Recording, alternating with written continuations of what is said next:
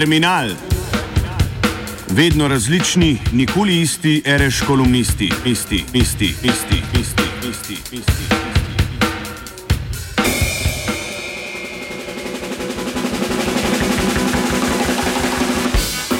Uničujoči algoritmi, tehnološka, družbena ali politična dilema. Kaj pa rešitve? Pred kratkim je Netflix tiste svoje uporabnike, ki jih je algoritem razpoznal kot primerne naslovnike zastrašujočega prikaza uničujoče moči algoritmov, presenetil z razmeroma celostnim in kompleksnim dokumentarcem Socialna dilema. Ta prikazuje problematičnost vpliva digitalnih platform na naše vsakdanje načine razmišljanja, družbenega grupiranja, komuniciranja ter konzumiranja vsebin.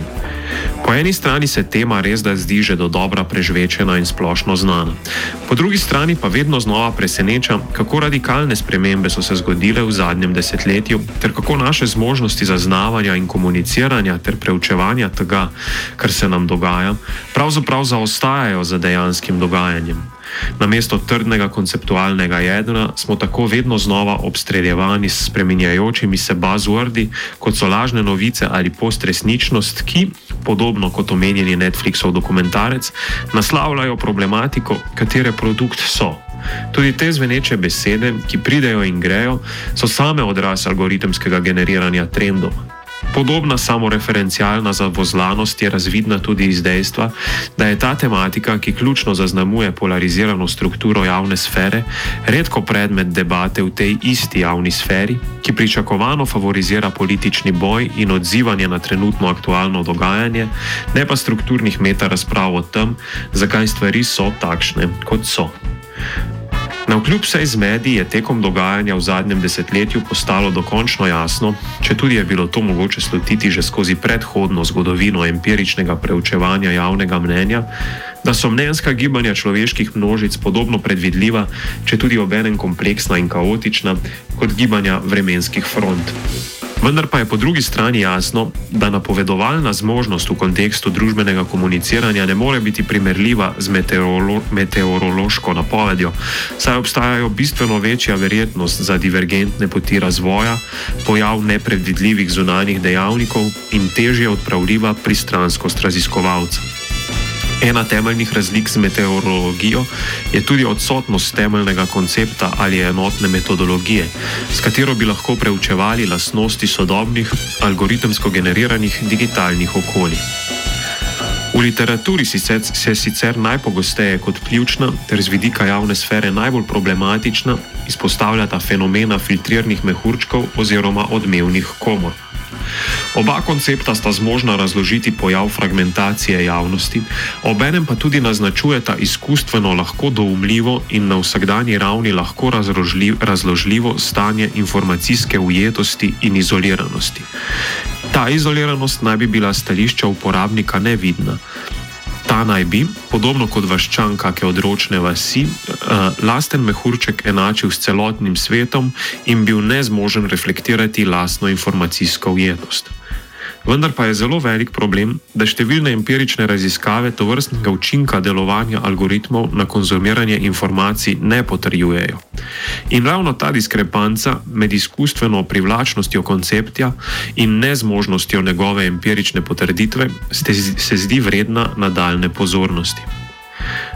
Fragmentacije in polarizacije digitalnih javnosti torej ni mogoče razložiti z informacijsko izoliranostjo in vprašanjem dostopa do raznolikosti vsebin. Prav nasprotno, včasih se zdi, da ni bilo nikoli lažje kot danes preveriti, kakšna mnenja krožijo po kakšni povsem tuji digitalni vasi.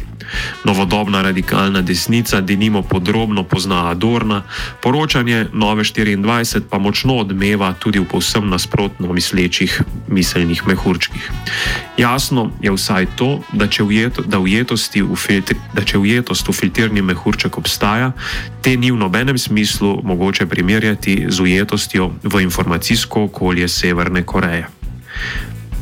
Prej se zdi, da je za težave sodobne digitalne javne sfere ključno razumevanje občinstva kot konzumentov vsebin, katerih potrebe morajo biti zadovoljene.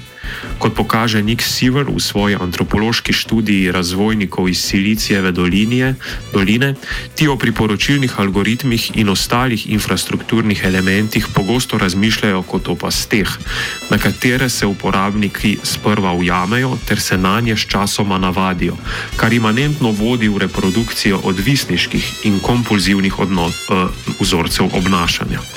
Eden izmed izvorov tovrstnega razmišljanja je B.J. Fogg, utemeljitelj kaptologije, vede v računalnikih kot prepričevalnih tehnologijah, katerih namen je spreminjanje človeških prepričanj in obnašanj. To vrstnost razmišljanja se sklada z libertarnim razumevanjem interneta kot povsem nereguliranega trga, kjer je dovoljeno vse, kar se lajka in klika, kar tako v dobrem kot tudi v slabem zaznamuje razvoj interneta, digitalnega divjega zahoda in ključno določa njegovo osnovno arhitekturo. Ta je, da vkljub svoji razpršeni in anarhični naravi, nagnjena tudi k tvorjenju monopolov v obliki digitalnih platform. Če tudi morda nameni to vrstnih teorij niso bili slabi že v izhodišču, se zdi retroaktivno jasno, da je vedenja najlažje prepričati z odvisniškim tipom simulacije osnovnih in vsakdanjih vrednot, da nimo prijateljstva in s konstantnim kvantificiranim nagrajevanjem. Človeška neracionalnost je skratka precej predvidljiva in lahko vodljiva.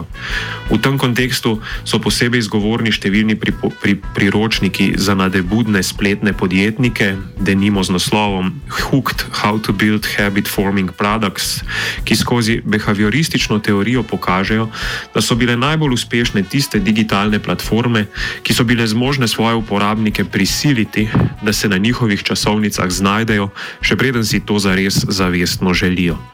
Znotraj to vrstne paradigme, veliko bolj od zavestne povratne refleksije uporabnikov o lastnih preferencah, štejejo nezavedni, ponavljajoči se vzorci obnašanja.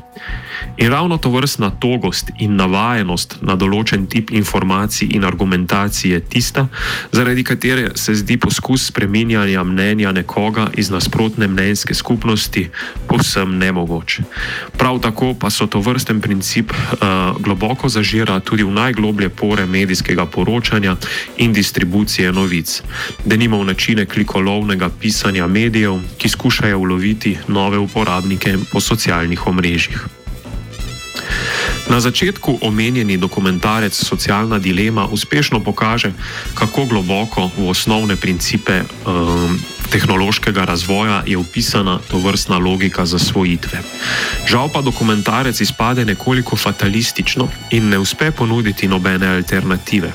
Upor proti tehnologiji uvidi predvsem v malih individualnih praksah, kot je brisanje profilov na socialnih omrežjih, skrbi za lastno zasebnost, duševno zdravje in medsebojne medosebne odnose.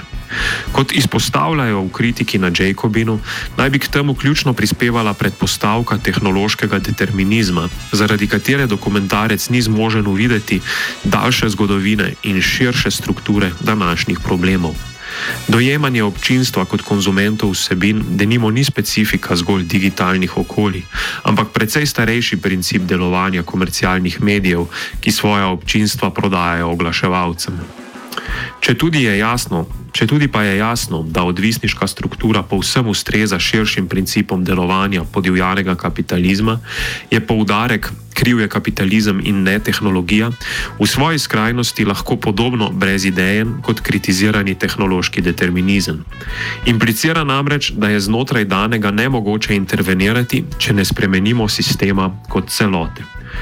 V nasprotju z obema skrajnostima pa se zdi, da je pravi izziv današnjega trenutka vzpostaviti konkretne umestne prakse, ki, če tudi ne bodo predstavljali neke radikalne revolucije, vseeno ne bodo povsem zanemrljive kot individualne prakse upora. Pri upeljevanju teh sprememb se zdi ključno upoštevati spoznanje, da je potrebno koncept raznolikosti razumevati širše torej ne zgolj kot raznolikosti na ravni dostopnosti vsebin, kot to implicira ta koncepta odmevne komore in filtriranih mehurčkov. Nasprotno, vprašanje je, kako doseči pluralizem na ravni globlih principov, ki usmerjajo delovanje tehnologije. Kot v svojih prispevkih v zborniku Premisleki o prihodnosti medijev, med drugim izpostavljata Lenard Kučič in Igor Vobič, internet nujno potrebuje, poleg privatne inicijative, tudi, tudi intervencije javnih institucij, ki na uporabnika ne gledajo kot na konzumenta, temveč v ospredje dajo univerzalni dostop do verodostojnih informacij. Poleg tega bi veljalo spodbujati tudi vzpostavitev različnih skupnostnih principov digitalnega samoupravljanja, ponovno refragmentacijo interneta in razbitje nekaterih glavnih monopolnih struktur, ki so se spostavile v zadnjem desetletju. Premisleke o spremembi principov pa med uporabniki sproža tudi izoliranost zaradi epidemije, ki jo spremlja ta naraščanje informacijsko generirane tesnobnosti in razno raznih internetnih odvisnosti. Zasvojen uporabnik namreč pogosto na dolgi rok ni zadovoljen uporabnik, kar je problematično tudi iz povsem tržnega vidika. V tem kontekstu se kot posebej problematična kaže praksa deljenja podatkov o posameznem uporabniku med različnimi platformami, kar spodbuja osebnostno enodimenzionalnost in preprečuje možnost raznolikih odrazov istega subjekta, ki različne platforme uporablja na, za različne namene. Nekateri tudi razmišljajo, da bi moral Google uporabnikom ponuditi večjo možnost aktivne participacije in izbire glede tega, ali naj rezultati po izvedbi informirajo ali zabavajo. Morda bi bilo tudi širše smiselno ustrajati pri bolj striktnem razlikovanju med estetskimi in informativnimi ter političnimi in apolitičnimi vsebinami in to razlikovanje smiselno aplicirati v splošno internetno strukturo.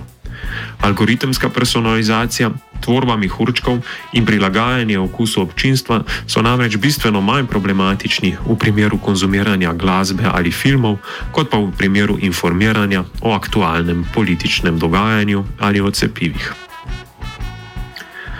Tokratni terminal sem pripravil Jrnej Kaluža.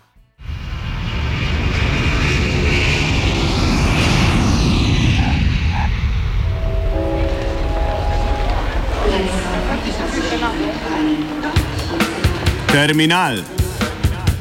Vedno različni, nikoli isti, reš kolumnisti, isti, isti, isti, isti, isti, isti. isti.